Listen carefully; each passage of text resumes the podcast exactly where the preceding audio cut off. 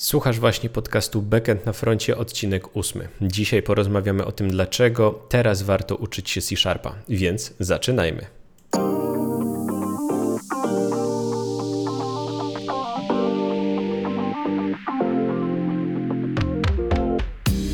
Cześć, z tej strony Kajetan Duszyński. Witam Cię w podcaście Backend na froncie. Po pierwsze, dziękuję, że tu jesteś. Podcast Backend na froncie to miejsce, w którym spotykam się z ciekawymi postaciami związanymi z dotnetem i programowaniem po to, aby dostarczyć Ci trochę zabawy i masę wiedzy, ale przede wszystkim, żeby dać Ci szersze spojrzenie na możliwości, jakie daje platforma od Microsoftu.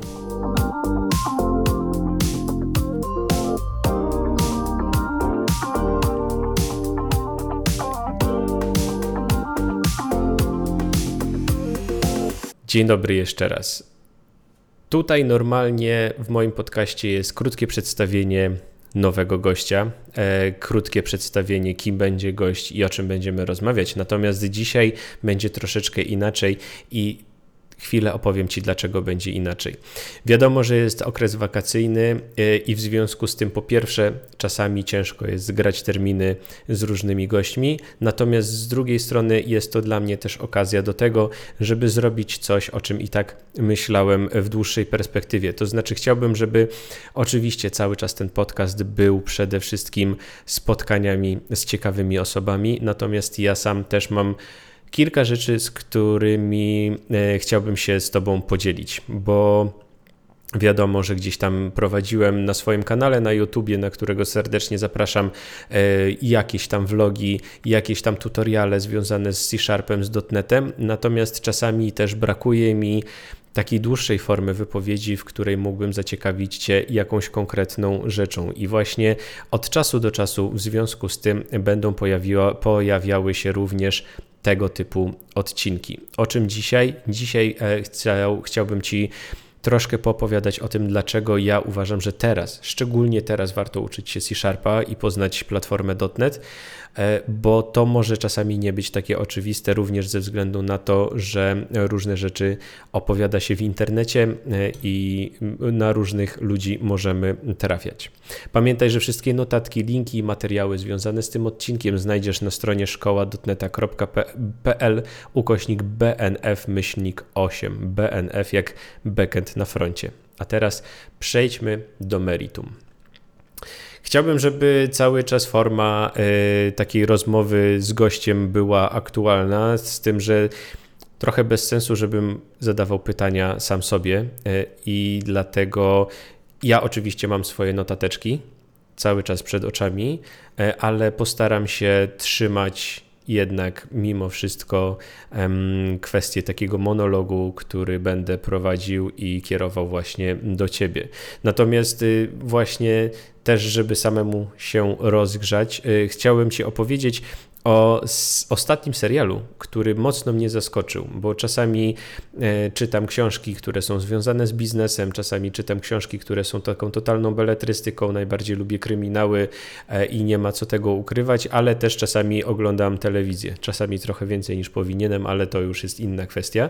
Natomiast jeden serial mnie ostatnio bardzo mocno zaskoczył. Nazywa się Wielkie Kłamstewka i opowiada o e, grupie mam, które w małym miasteczku e, przeżywają wiele dram. I jakby tak totalnie zastanawiając się nad tym, można pomyśleć, że y, jest to serial pokroju Desperate Housewives, że, e, w którym można wydumać jakieś nie wiadomo jakie e, historie typu y, lądowanie jakiegoś samolotu awaryjnie na ulicy w małym miasteczku, ale tutaj tak naprawdę jest o tyle zaskakująco, że ten serial niesamowicie trzyma napięcie. E, obejrzałem dopiero pierwszy sezon, wczoraj go skończyłem i przez pół sezonu właściwie z żoną siedzieliśmy i się zastanawialiśmy, kto zabił i, i kogo zabito. I, I faktycznie cała narracja jest o tyle ciekawie poprowadzona, że do końca nie wiadomo, sporo rzeczy można się próbować domyślić, a i tak może gdzieś tam serial zaskakiwać, także zdecydowanie polecam na jakieś wakacyjne wieczory. Ale wróćmy do tego, dlaczego warto uczyć się C-Sharpa. Z mojej strony jest to oczywiste. Ja programuję w C-Sharpie już ponad 10 lat komercyjnie. Samego C-Sharpa znam odrobinkę dłużej, natomiast niewiele, bo właściwie idąc do pierwszej pracy tak naprawdę mogę powiedzieć, że zacząłem się go porządnie uczyć. I ja jestem w tym języku czy zakochany? Y, może nie do końca tak powinienem to określać, bo zaraz wyjdzie, że jestem jakimś fanboyem Microsoftu, a do tego mi daleko, bo też staram się e, na to, co oni robią, zawsze spoglądać w miarę krytycznym okiem. Natomiast bardzo lubię ten język. Faktycznie bardzo dobrze mi się w nim programuje i kiedyś kiedy zaczynałem, miałem więcej problemów z nim niż mam obecnie. Widać, że Microsoft od kiedy wypuścił .NET Core zaczyna słuchać deweloperów, zaczyna coraz bardziej słuchać deweloperów. Jest to prawdopodobnie związane też z tym, że Microsoft y, wypuścił .NET jako, y, jako open source i teraz każdy może zgłosić swoją poprawkę, każdy musi, może zgłosić jakiś swój e, problem, który jest y, związany z daną funkcjonalnością i on może również w jakiś tam sposób przejść do pipeline'u do tego, żeby w przyszłości taką poprawkę zaimplementować.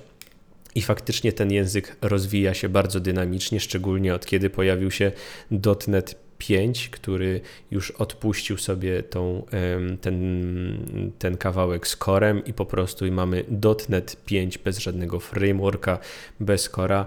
E, I właśnie, i co to tak naprawdę dla nas oznacza? To oznacza, że e, idziemy w coraz większe uproszczenia. Niedawno na swoim kanale na YouTubie uruchomiłem mm, jeden filmik, e, w którym opowiadam o Minimal API. Jest to bardzo ciekawa funkcjonalność związana e, z tworzeniem bardzo prostego kodu do tego, żeby uruchomić API. I dosłownie wystarczy nam kilka linijek. Myślę, że jakby dobrze skrócić ten kod, to w siedmiu linijkach moglibyśmy się zmieścić po to, żeby uruchomić i wypuścić na świat najprostsze API to daje e, nam pewien pogląd na to, w jaki sposób e, teraz się ten, ten język zmienia. Wcześniej faktycznie musieliśmy tworzyć pełne projekty. E, te projekty od razu miały kilkanaście czy nie kilkadziesiąt wygenerowanych plików, które za coś tam odpowiadały, a teraz możemy sobie zaprototypować coś naprawdę szybko. I oczywiście nie jest to w żaden sposób innowacja. Nie możemy mówić o tym, że Microsoft jest firmą innowacyjną w tym względzie, ze względu na to, że ostatnio ktoś nawet na wykopie mi zwrócił uwagę, że to Minimal API, API wygląda mniej więcej jak Express.js jakieś parę czy paręnaście nawet lat temu. E, I okej, okay, może być tak, że faktycznie były już takie rozwiązania na rynku, natomiast jak patrzymy na dotnet, to musimy pamiętać o tym, że jest to pewien ekosystem. E, mamy masę możliwości do tego, żeby tworzyć najróżniejsze aplikacje i wchodzenie w dotnet nie oznacza to, że będziemy mm, programować w najnowszych technologiach i będziemy najbardziej trendy na rynku ale to nam daje możliwość do programowania naprawdę najróżniejszych rzeczy i nie musimy od razu decydować się na to, co e, chcemy robić w przyszłości. I dlaczego e, sam C Sharp? C Sharp e, faktycznie polecam ze względu na to, że jest on w tej chwili najbardziej popularny, jest najwięcej materiałów związanych z C Sharpem i pomimo tego, że mamy na przykład Visual Basic cały czas, to Visual Basic jest już powoli językiem, który pewnie będzie wygaszany, e, przynajmniej jeśli chodzi o programowanie obiektowe. Cały czas na pewno będziemy mieli e, gdzieś tam Visual Basic w makrach, e, w Excelu czy w innych programach office'owych i on sobie tam będzie żył i, i, będzie miał się dobrze, natomiast nie będziemy już tworzyć dużych aplikacji pewnie w Visual Basicu. E, a z drugiej strony mamy F-Sharp, czyli e, język do programowania funkcyjnego. E, I on zdobywa coraz większą popularność. On razem z Haskellem, ze Skalą i z kilkoma innymi językami jest um, uważany za język przyszłości, prawdopodobnie. E, czy faktycznie to będzie język przyszłości, ciężko mi powiedzieć, e, no bo tak naprawdę musielibyśmy zupełnie zmienić nasze myślenie o programowaniu. Programowanie funkcyjne stawia na pierwszym miejscu właśnie funkcje, a nie obiekty, do czego jesteśmy w tej chwili przyzwyczajeni. I myślę, że jeszcze sporo czasu upłynie, zanim e, ten mindset deweloperów zmieni się z obiektów na funkcje. Dlatego spokojnie, jeżeli zaczynasz się uczyć C-Sharpa, to nie bój się gdzieś tam e, opinii z internetu, że powinieneś uczyć się F-Sharpa, bo e, programowanie funkcyjne to jest przyszłość. To jest tak samo jak Linus Torvalds mówi, że Linux to jest przyszłość i mm, w wielu zakamarkach świata na pewno tak jest i, i co chwilę ktoś próbuje ogłosić dany rok rokiem Linuxa, że on w końcu wypłynie na świat E, na, na, na szerokie wody i, i będzie tym najbardziej popularnym systemem operacyjnym albo rodziną systemów operacyjnych, bo wiadomo, że tych dystrybucji jest cała masa. Natomiast prawdopodobnie ani w tym, ani przez najbliższe 10 lat tak się nie stanie. Linux zawsze będzie i będzie odpowiedni do wielu rozwiązań, natomiast y, prawdopodobnie nigdy nie przegoni popularnością Windowsa. Nie wiem, jak jest w przypadku macOS ale, ale tym się na razie nie musimy e, zajmować. Dlatego ten C-Sharp będzie taką najbezpieczniejszą dla Ciebie, e, najbezpieczniejszym wyborem właśnie w kontekście przyszłej, przyszłej pracy. No ale zastanówmy się właśnie, jakie mamy możliwości, jeśli chodzi o .NET i co przyniesie nam przyszłość, bo to jest też bardzo, bardzo ważna sprawa. E, jeśli chodzi o cały ekosystem, no właśnie, to musimy pamiętać o tym, że cały .NET jest ekosystemem. To jest coś, e, co nie jest związane tylko z jedną działką programowania. To nie jest tak, że będziemy mogli jeden rodzaj aplikacji stworzyć. To nie jest właśnie tak jak w przypadku wielu innych programów. Na przykład mamy konkretne języki czy konkretne frameworki, e, które są najlepsze pod dany, e, pod daną platformę. Mamy frameworki mobilne e, i języki e, tworzone właśnie pod te projekty mobilne. Mamy frameworki i języki, które najlepiej sprawdzają się w webie. Natomiast w przypadku C Sharpa i w przypadku .NETA tak naprawdę mamy całe spektrum możliwości, o których już sobie na łamach tego programu, y, tego podcastu rozmawialiśmy, ale też y, bardzo dużo się mówi na temat różnych możliwości. No bo mamy przede wszystkim web i faktycznie webem teraz .NET stoi. E, mamy tutaj y, kilkanaście y, rozwiązań, może nie kilkanaście, ale kilka przynajmniej, bo mamy ASP.NET i w tym mamy zarówno webformsy, mamy MVC, mamy y, Razor Pages, ale y, również taki typowo backendową część, czyli Web API, która faktycznie jest uważana za y, najciekawszy framework dla backendu, jaki w tej chwili istnieje e, w przypadku weba. I nie jest to y, tylko i wyłącznie coś, co ja sobie wyssałem z palca, ale to potwierdza również um, ankieta Stack Overflow, która jest co roku tworzona i tam e, popularność ASP.NET e, Web API rośnie z roku na rok, e, a dodatkowo jeszcze całe ASP.NET wygrywa w rankingach um, uwielbienia deweloperów, jeśli chodzi o najróżniejsze frameworki backendowe. No i Ostatnio od tego dotneta 5 mamy jeszcze jedną nowość, czyli mamy Blazora, o którym coraz częściej ja sam mówię i o którym e, coraz częściej mówi się w ogóle w internecie.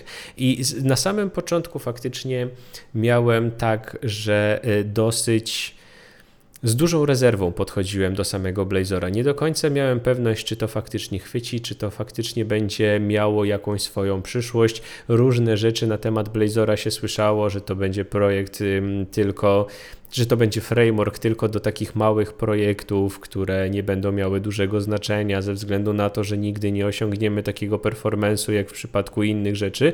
Natomiast musimy pamiętać o tym, że Blazor działa na WebAssembly. Samo WebAssembly jest technologią bardzo świeżą, bardzo nową e, i tak naprawdę jest bardzo niewiele w tej chwili języków i możliwości uruchomienia swoich aplikacji właśnie za pomocą WebAssembly. Dlatego wiadomo, że tych bolączek jakoś na początku będzie więcej, ale domyślam się, że w tej chwili e, Microsoft ładuje y, tyle swojej siły roboczej właśnie w rozwój Blazora, właśnie w rozwój y, tej wersji WebAssembly, że będzie ona cały czas rozwijana, cały czas będzie e, będą szukane te rozwiązania tych problemów, które w tej chwili istnieją w tym frameworku. I dodatkowo pokazuje to również to, że w samym dotnecie 6, który będzie miał premierę w prawdopodobnie październiku albo listopadzie 2021 roku, e, będzie również rozszerzony o Blazor for Desktop. No bo właśnie teraz przechodząc płynnie, mamy również aplikacje desktopowe. Tam od lat króluje WPF któremu ja czasami wieszczę śmierć, ale, ale no prawda jest taka, że dopóki będą tworzone projekty, to ten WPF nie umrze, a mamy całą masę aplikacji desktopowych napisaną w WPF-ie i, i, i cały czas w związku z tym ten WPF będzie gdzieś tam ciągnięty, tym bardziej, że nazwijmy ten design, ten UI tworzy się w Zamlu, który jest e, łączony potem z Xamarinem mobilnym, więc tutaj jakby nawet e, po prostu siłą rozpędu będzie ten WPF cały czas rozwijany i utrzymywany. Też ze względu na to, że ciężko jest niektóre korporacje przekonać do tego, żeby przepisały po prostu swoje aplikacje na weba i, i, i porzuciły ten WPF. Dlatego pomimo tego, że i ja uważam, że WPF-a być może nie ma większego sensu się uczyć w tej chwili e, już tak bardzo, bo e, trafiając do firm, będziemy głównie skazani na to, żeby utrzymywać już istniejące aplikacje i nie będziemy e, albo będziemy mieli rzadką możliwość stworzenia nowej aplikacji w WPF-ie.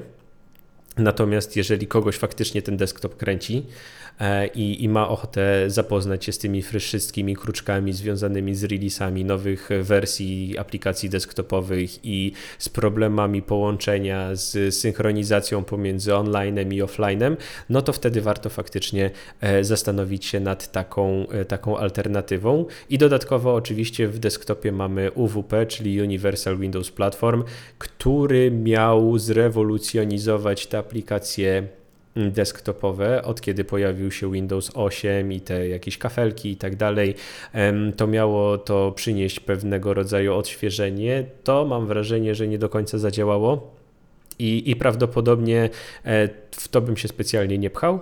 Natomiast właśnie ciekawą alternatywą może być ten Blazor for Desktop, czyli połączenie tak naprawdę tego, co robimy w webie e, z uruchomieniem danej aplikacji po prostu desktopowo. I właśnie to też pokazuje, w którą stronę teraz Microsoft idzie.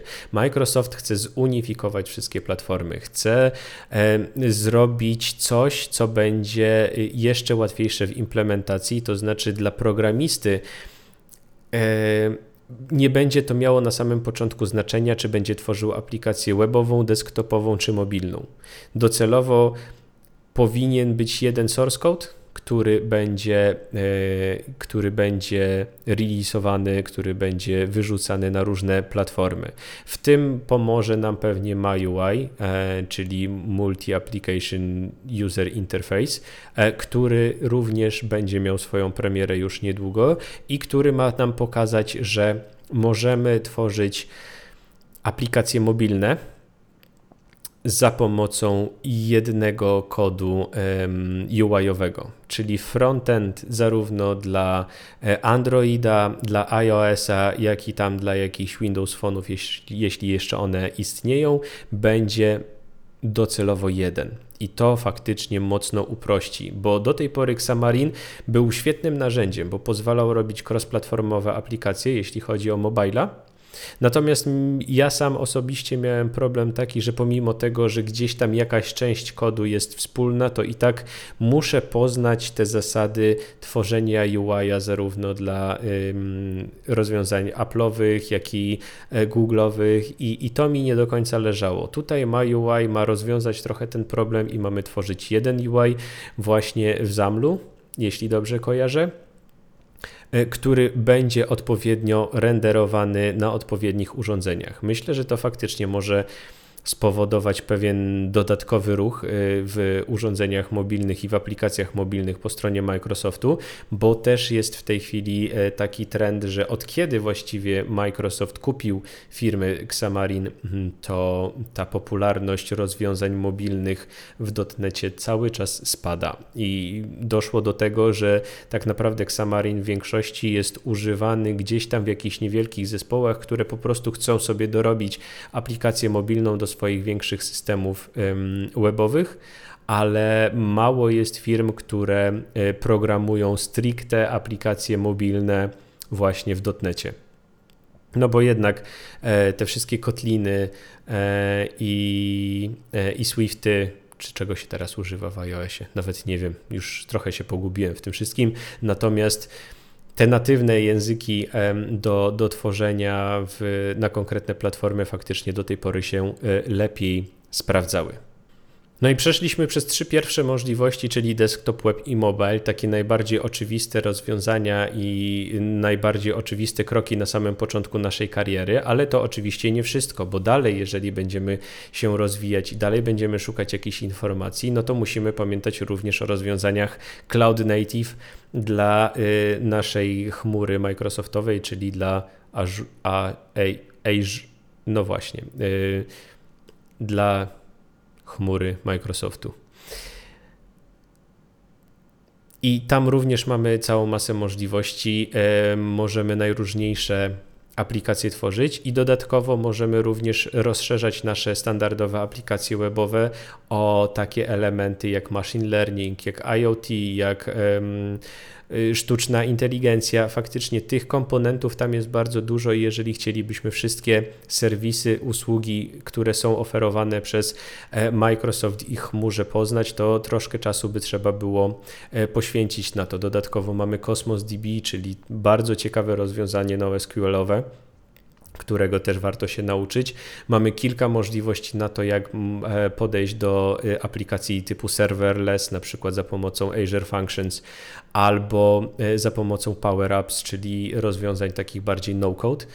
Dlatego tutaj też jest bardzo ciekawa ścieżka rozwoju, jeśli chodzi o rozwiązania chmurowe, a też widzimy, że tak jak zawsze mówię, że web teraz jest zdecydowanie najbardziej popularny, no to jak już jesteśmy w tym webie, to naturalnie można bardzo fajnie przejść do, e, do chmury.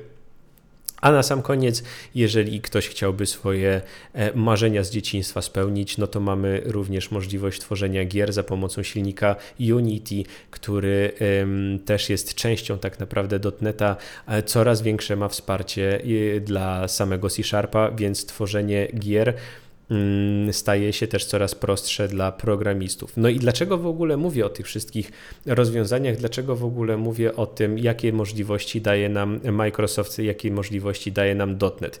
No bo właśnie kiedy wejdziemy w świat .NETA, kiedy wejdziemy w świat C Sharpa, e, to nie musimy nie musimy myśleć o tym, co będziemy robili w przyszłości, bo to jest też duży problem. Wiem, że są osoby, które przychodzą e, na różne grupy facebookowe i pytają się, jakiego języka na samym początku mają się nauczyć. I wtedy pada od drugiej strony pytanie, a co chcesz robić? I wiele osób nie wie tak naprawdę, co chce robić, bo nie próbowało jeszcze napisać aplikacji desktopowej, nie próbowało napisać strony internetowej czy aplikacji internetowej i nie próbowało napisać gry. Więc ci ludzie nie mają zielonego pojęcia, w czym tak naprawdę się odnajdą. I nawet jeżeli w tej chwili myślą, że najbardziej chcieliby tworzyć aplikacje internetowe, to może za jakiś czas się okaże, że jednak chcieliby robić gry, albo przejść do chmury. E, no i właśnie, właśnie to nam daje teraz bardzo fajnie dotnet, że nawet zaczynając na przykład w ASP, ucząc się tego programowania webowego, potem przejście do Unity, do IoT, do desktopa nie jest bardzo problematyczne. Cały czas poruszamy się w tej samej składni, cały czas poruszamy się e, w tych samych narzędziach i po prostu pewne zasady tworzenia danych projektów, pewne wzorce projektowe, które są najczęściej w danych projektach używane, się zmienią, ale to jest bardzo łatwo przyswoić i wystarczy później rozszerzyć swoją wiedzę o kilka e, artykułów związanych z dobrymi praktykami na danej platformie i już możemy tworzyć bardzo ciekawe aplikacje. Czasami nawet przenosząc e, część przyzwyczajeń z weba do desktopa czy z weba do mobila, naprawdę nic się nie stanie, jeżeli w pierwszych aplikacjach e, coś takiego zrobimy i nie zrobimy wszystkiego super zgodnie ze sztuką, bo to naprawdę przy procesie nauki może się jak najbardziej zdarzać i nie jest wielkim problemem. Natomiast właśnie dzięki temu, że jest to jeden codebase, jedna składnia i, i zasady tak naprawdę dokładnie te same, to łatwiej jest nam przejść. I kolejnym aspektem, e, który jest bardzo e, interesujący dla młodych programistów i bardzo często też dostaję zapytania na ten temat, czy w dotnecie jest w ogóle praca, bo e, kolega kolegi, który już programuje od dłuższego czasu, powiedział, że w dotnecie to już w ogóle nie ma roboty i żeby się za to nie brać, bo to jest język korporacyjny i że nic ciekawego się tam nie dzieje, że już nikt nie programuje w dotnecie e, i, i teraz trzeba się uczyć e, czegoś tam, Kotlina, Haskella, e, Angulara, Reacta i tak dalej, i tak dalej. No i oczywiście to nie jest prawda. Znaczy, po części jest to prawda, no bo faktycznie .NET jest uważany za język korporacyjny. Ale czy to źle?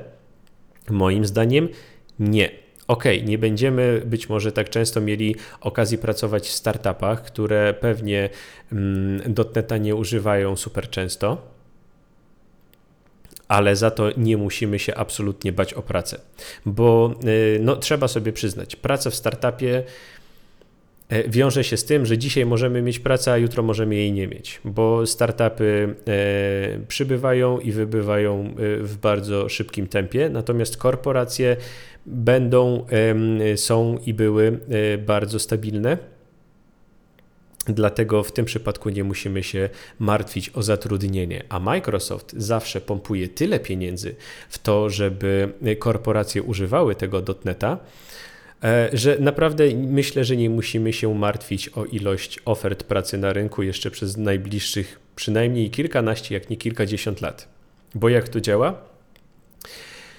Mamy między innymi Office 365 albo y, bardziej Microsoft 365, czyli taki Office y, z wszystkimi Active Directory dla, dla firm. Czyli mamy już infrastrukturę e, w chmurze dla firmy, która wchodzi na rynek i która sobie na spokojnie tworzy jakiś tam, jakąś tam podstawę dla swoich pracowników, to znaczy wszystkie konta.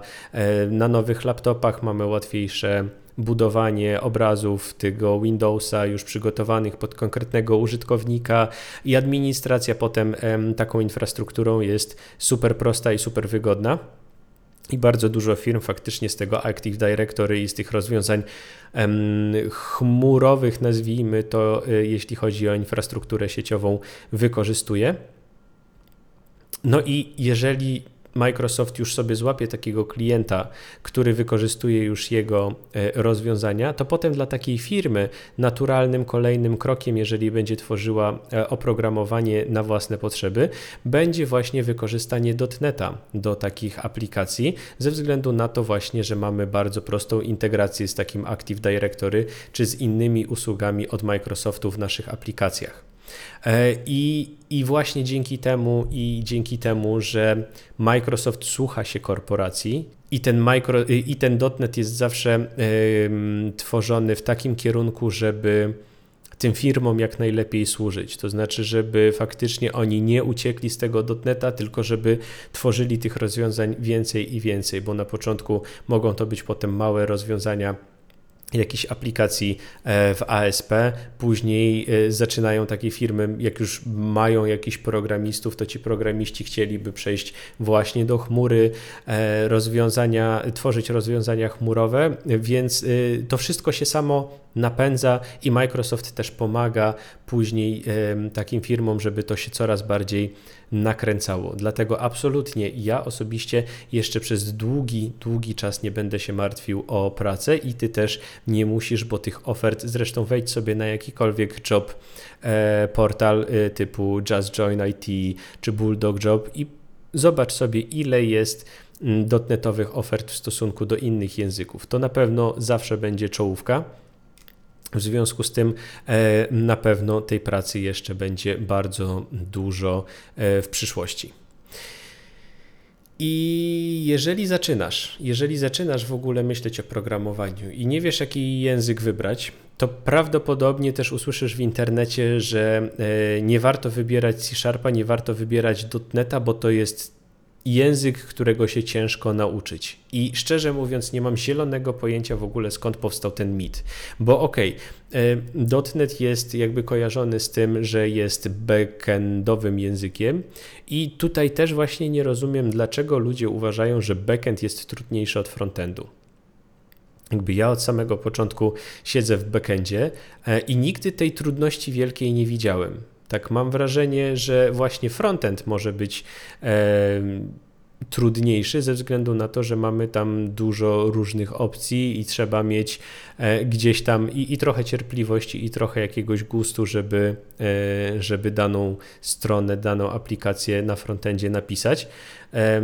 A w przypadku backendu musimy się trzymać ściśle określonych reguł, dlatego jest to fajna praca dla osób, które lubią taką systematyczną pracę e, i mm, taką, która na pewno też może sprawić wiele niespodzianek, ale mamy mniej pierdzielenia się z różnymi przeglądarkami i tak dalej. Tak naprawdę przynajmniej w tych dotnetowych rozwiązaniach sporo rzeczy jest rozwiązanych za nas i dzięki temu możemy się skupić na tym faktycznie, co jest najważniejsze, czyli na logice aplikacji i na tym, żeby ona faktycznie spełniała e, i standardy, i wymagania użytkowników czy biznesu. Dlatego nie, w żaden sposób nie chciałbym demonizować tego, że mm, jakiegoś języka w ogóle jest ciężko się nauczyć, albo jakiegoś jest łatwiej, innego trudniej, bo każdy ma jakiś tam próg wejścia. Na pewno trzeba się przyzwyczaić do tego, że to nie jest tak jak na polskim napisanie wypracowania, tylko trzeba e, troszeczkę tego abstrakcyjnego myślenia do tego, żeby e, zacząć myśleć tymi obiektami, no bo to jest jednak object-oriented programming.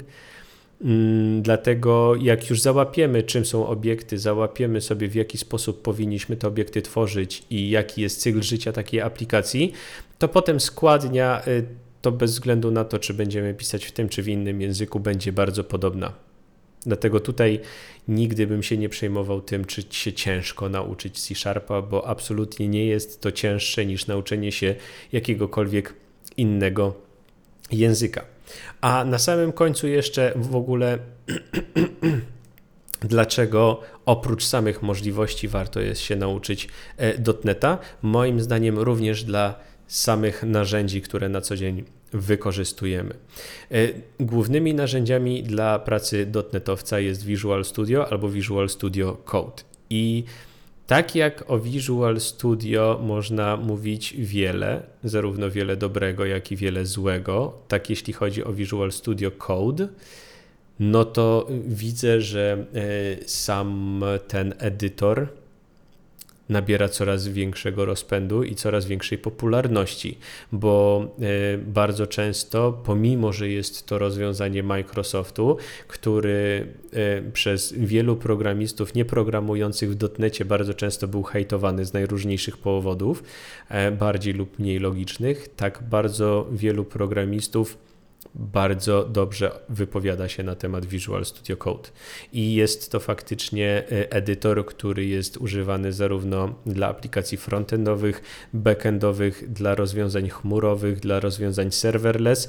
E, I faktycznie w wielu dyskusjach, które są prowadzone w internecie na temat tego, jakiego edytora programiści używają coraz częściej, ten Visual Studio Code się pojawia. Ja mam osobiście z nim delikatny problem, właśnie ze względu na to, że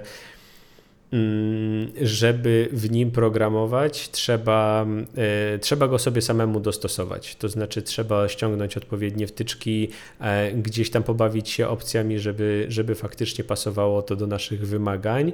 E, I to mi nie do końca odpowiada, ale to pewnie ze względu na to, że po prostu jestem przyzwyczajony właśnie do wykorzystywania Visual Studio, które zostało stworzone do tego, żeby tworzyć te aplikacje dotnetowe.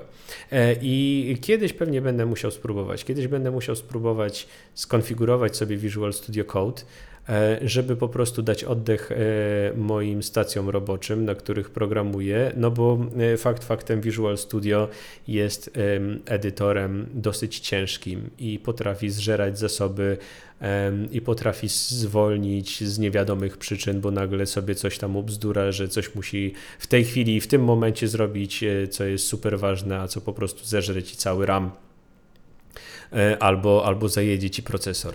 E, I, i, I, czasami e, faktycznie jak się pojawia hejt na Visual Studio, to ja się tam wolę, pomimo tego, że tylko Visual Studio albo w większości Visual Studio programuję, to z takich dyskusji raczej się wycofuję, no bo faktycznie czasami bywa to narzędzie upierdliwe, natomiast też mam nadzieję, cały czas są to tylko nadzieje, że coś się ruszy, coś się zmieni w przypadku Visual Studio 2022, którego premiera już pełna będzie również niedługo.